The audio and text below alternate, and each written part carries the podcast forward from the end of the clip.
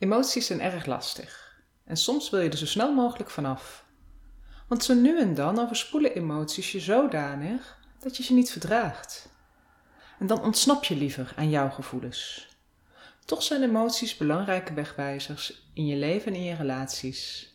Hoe nieuwsgieriger je in jouw gevoelsleven onderzoekt, hoe meer emoties je helpen bij persoonlijke groei. Nieuwsgierigheid naar je gemoedstoestand is de sleutel naar jouw ontwikkeling. Want meer kennis over emoties geeft je meer vrijheid tot het kiezen van gedrag. En zelf je gedrag kiezen, dat maakt evenwichtig, volwassen en een ontwikkeld mens. Die persoonlijke groei helpt je in complexe situaties. Gelukkig maar dat wij uitgerust zijn met deze cognitieve vermogens. Leer dus vandaag meer over je emoties.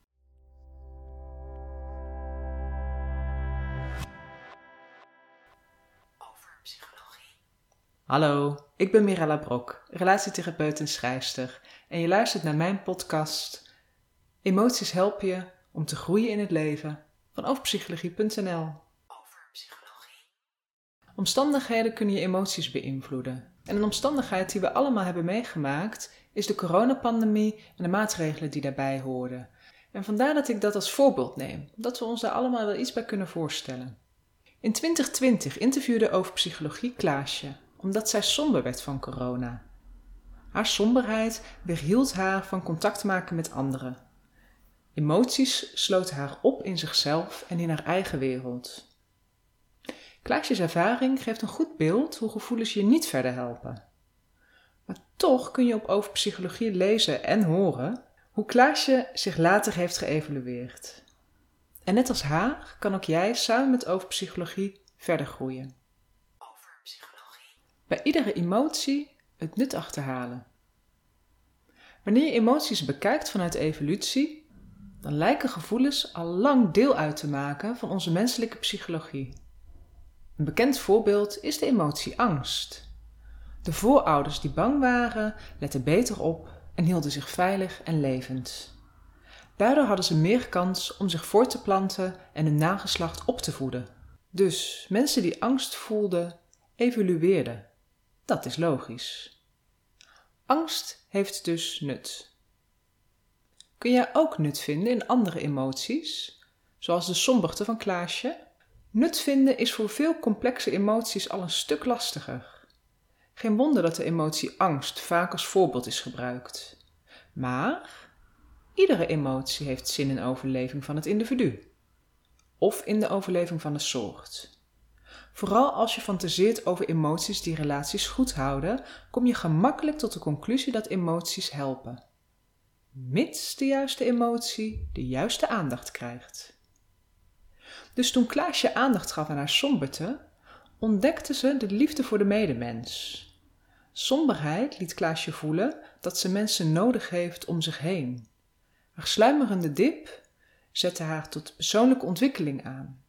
En hierdoor ontdekte Klaasje hoe waardevol contact met anderen voor haar is primaire en secundaire emoties. Onderzoek nog eens een andere lastige emotie, bijvoorbeeld walging. Walging is erg doeltreffend gebleken om in leven te blijven. Wat ongezond is, bijvoorbeeld diarree, dat vind je vast walgelijk ruiken. Nou, erg handig. En ook in de relationele sfeer is walgen nuttig. Het is goed om voort te planten met iemand die een ander afweersysteem heeft dan het jouwe.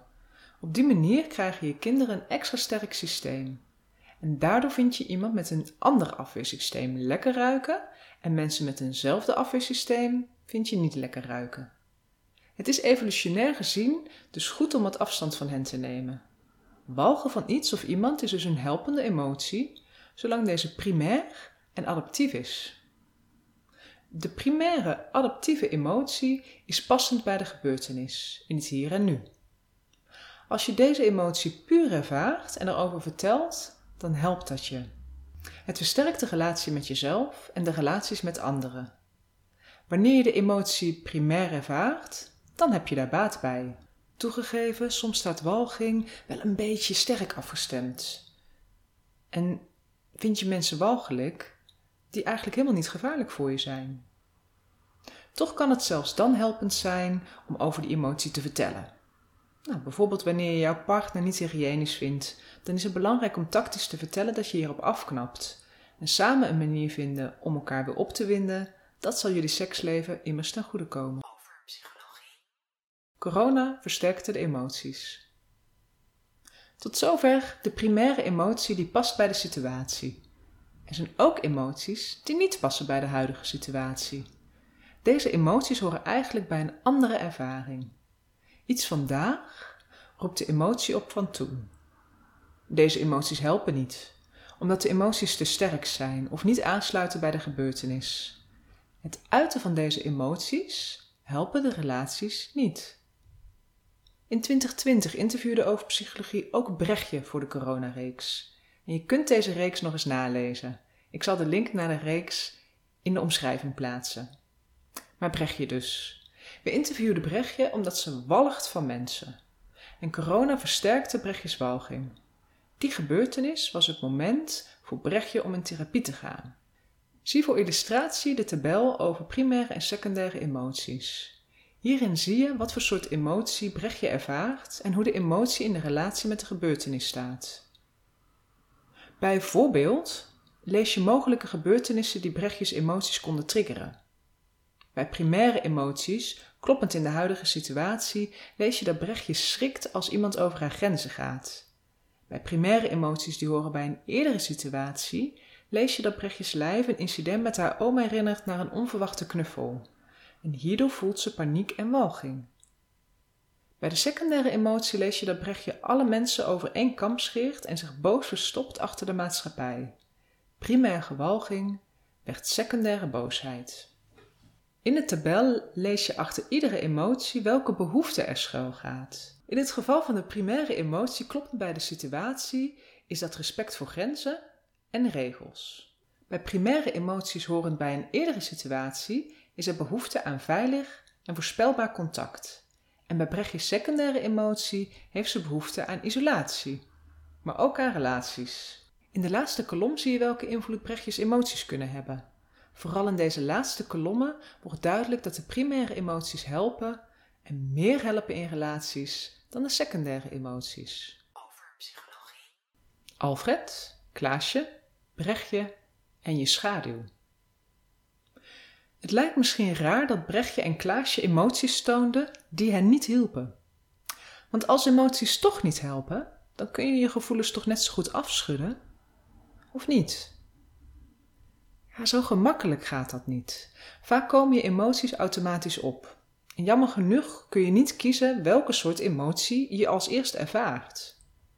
Vermoedelijk voel je zelfs veel vaker misleidende emoties. Dat komt omdat je meer ervaring hebt met secundaire emoties. En dat is dankzij herhaling of kwetsbaarheid. Of doordat je jouw primaire emotie sterker voelt door een traumatische ervaring van vroeger, waarmee die emotie verbonden is. Een bijgevoegde animatie waarin een hoofdrol is weggelegd voor Alfred legt het goed aan je uit.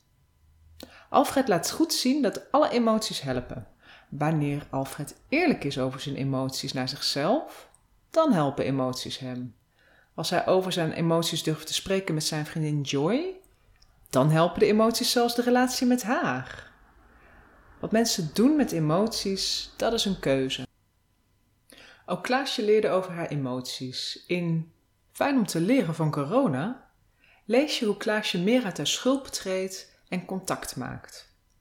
Dat deed ze door haar primaire emoties somberte als een signaalfunctie serieus te nemen. En daardoor konden haar secundaire emoties, schaamte over haar introversie, boosheid naar de wereld, die haar toch zou moeten begrijpen, en de eenzaamheid die zij zich herinnerde als kind, haar niet langer isoleren. Klaasje leerde haar emoties te observeren en haar vrije wil te gebruiken om haar gedrag aan te passen. Hopelijk wordt ook Brechtje nieuwsgierig naar de signaalfunctie van haar walging. Vanuit een mentaliserende houding kan Brechtje haar primaire emoties onderzoeken. Het zal haar helpen verschil te voelen tussen de misselijkheid die ze als tiener voelde en de verstijving die ze onlangs voelde.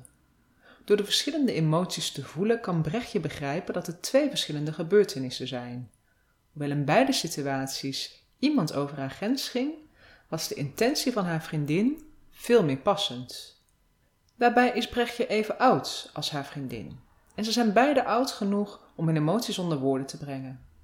Op die manier kan Brechtje alsnog aan haar vriendin uitleggen wat zij beleefde en wat haar behoeftes zijn in de relatie. over psychologie, De ui nog verder afpellen. Als Brechtje zin heeft om nog verder op onderzoek te gaan, dan zal ze ontdekken hoe haar secundaire emoties werken. Lees of luister het artikel Mensen zijn zo en zo smerig nog maar eens voor meer achtergrondinformatie over Brechtje. Ik zal de link weer toevoegen. En dan lees je dat Brechtje vroeger niet leerde hoe fijn lichamelijk contact kan zijn. En hierdoor voelt ze haar eigen behoefte aan huidhonger en verbinding minder. Brechtje ervaarde weinig warmte van anderen en kon weinig warmte geven. Daardoor investeerde ze weinig in relaties en vereenzaamde. Ze voelde dat anderen haar ook steeds minder opzochten.